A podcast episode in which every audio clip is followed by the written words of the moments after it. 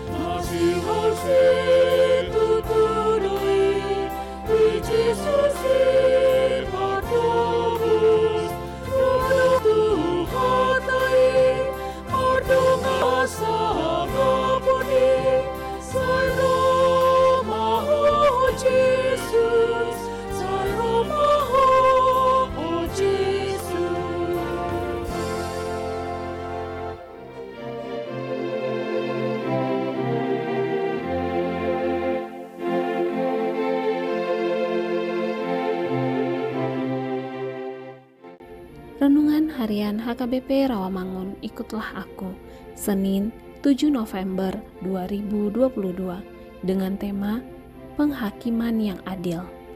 Bacaan kita pada pagi hari ini diambil dari 1 Yohanes pasal 1 ayat 5 sampai dengan ayat ke-10 dan bacaan kita pada malam hari ini diambil dari Daniel pasal 5 ayat 1 sampai dengan ayat 12 dan kebenaran firman Tuhan untuk kita hari ini diambil dari Roma pasal 2 ayat 16 demikian firman Tuhan.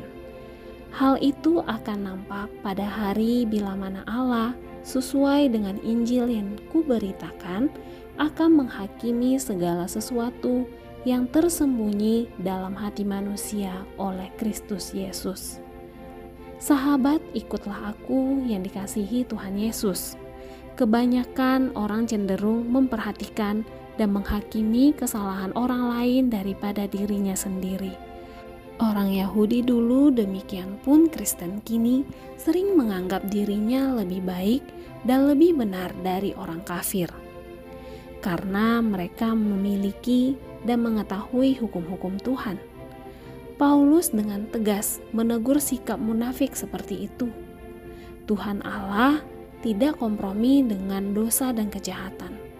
Kalau sekarang Allah belum bertindak, bukan berarti Ia tidak berdaya. Allah bermurah hati dan sabar karena ingin memberi kesempatan bagi manusia untuk bertobat, beroleh pengampunannya. Tetapi janganlah dipakai untuk menabung murkah Allah yang pada saatnya akan menimpa kita dengan dahsyatnya. Di saat penghakiman tak seorang pun bisa bebas sesuai dengan norma-norma yang diberlakukan manusia. Allah akan menghakimi mereka. Orang Yahudi sesuai Taurat, orang yang percaya kepada Injil Kristus sesuai anugerah Allah di dalam Kristus, dan orang yang tidak mengenal Allah akan dihakimi seturut hati nurani mereka. Penghakiman Allah tidak membeda-bedakan seseorang dihukum bukan berdasarkan status keyahudiannya, memiliki Taurat atau tidak, tetapi berdasarkan disposisi hatinya di hadapan Allah. Allah mengetahui isi hati manusia, apakah terbuka kepada Kristus atau mengeraskan hati untuk menolaknya. Jangan terkecoh dengan penampilan kesalehan yang palsu. Bukti bukti kita sudah memiliki kebenaran adalah hidup dalam kebenaran, peka terhadap dosa, dan tidak menghakimi orang lain. Amin. Marilah kita berdoa. Selidikilah hatiku dalam-dalam ya Tuhan. Masuklah kuasa Injilmu memperbaharui seutuhnya. Amin.